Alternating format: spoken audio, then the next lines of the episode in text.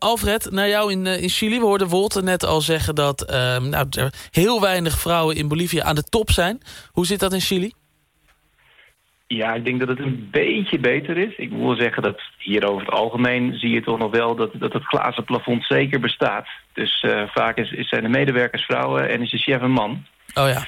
Maar uh, het is hier wel zo dat als vrouwen hier door het glazen plafond heen breken... nou, dan is het ook meteen echt goed raak. Uh, alleen al dat toen ik hier kwam, dat ja, de, Chili heeft een vrouwelijke president, Michelle Bachelet. En ja, dat, dat hebben we in Nederland nog nooit meegemaakt. Nee, dus wat dat betreft zijn ze in Chili verder dan wij.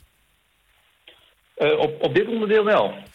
ja, ja en, en verder, hoe doen de vrouwen het, het voor de rest? Behalve dat jullie natuurlijk een, nou ja, een vrouwelijke leider hebben? Ja, voor de rest is hier natuurlijk wel een redelijk uh, normaal rolpatroon. En wat je eigenlijk vooral wel ziet is dat met name de vrouwen die, uh, ja, die de ruimte hebben om te studeren... de ruimte hebben om naar de betere universiteiten te gaan... dus uit de wat rijkere milieus komen... Uh, aan, ja, het, hangt een beetje van hen zelf af.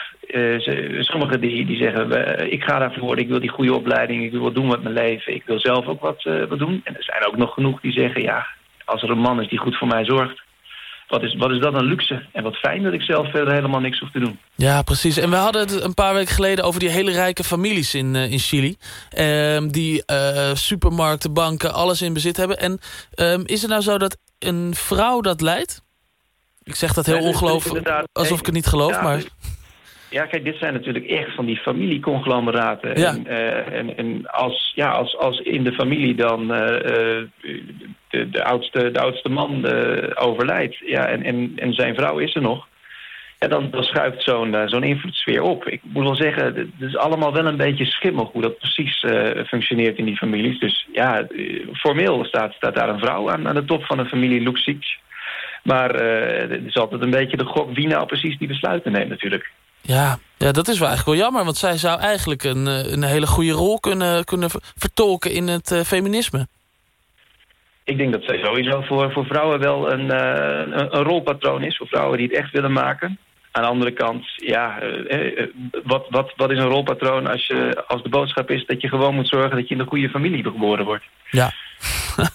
ja, nee, daar is wel heel weinig knap aan. Je hebt trouwens ook een, een Chileense Nobelprijswinnares.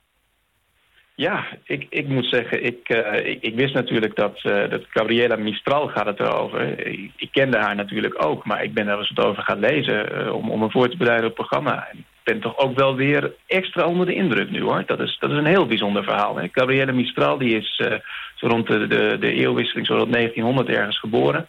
En uh, drie jaar nadat zij geboren was, ging, uh, ging haar vader er vandoor. Dus die, die groeide op met een zusje en een moeder. Nou, in, in die tijd was het natuurlijk al een, uh, ja, al een behoorlijke struggle.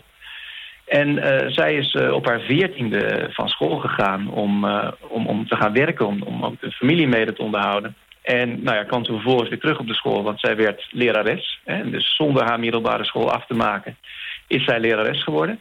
Knap. En moet je je voorstellen, zij is toen in 15 jaar opgeklommen van, van een lerares op een dorpsschooltje naar de directrice van de allerbelangrijkste school hier in Chili. Dus zij is echt van, van de ene naar de andere school overgestapt... en weer een nieuwe baan en weer een nieuwe baan en daar weer door.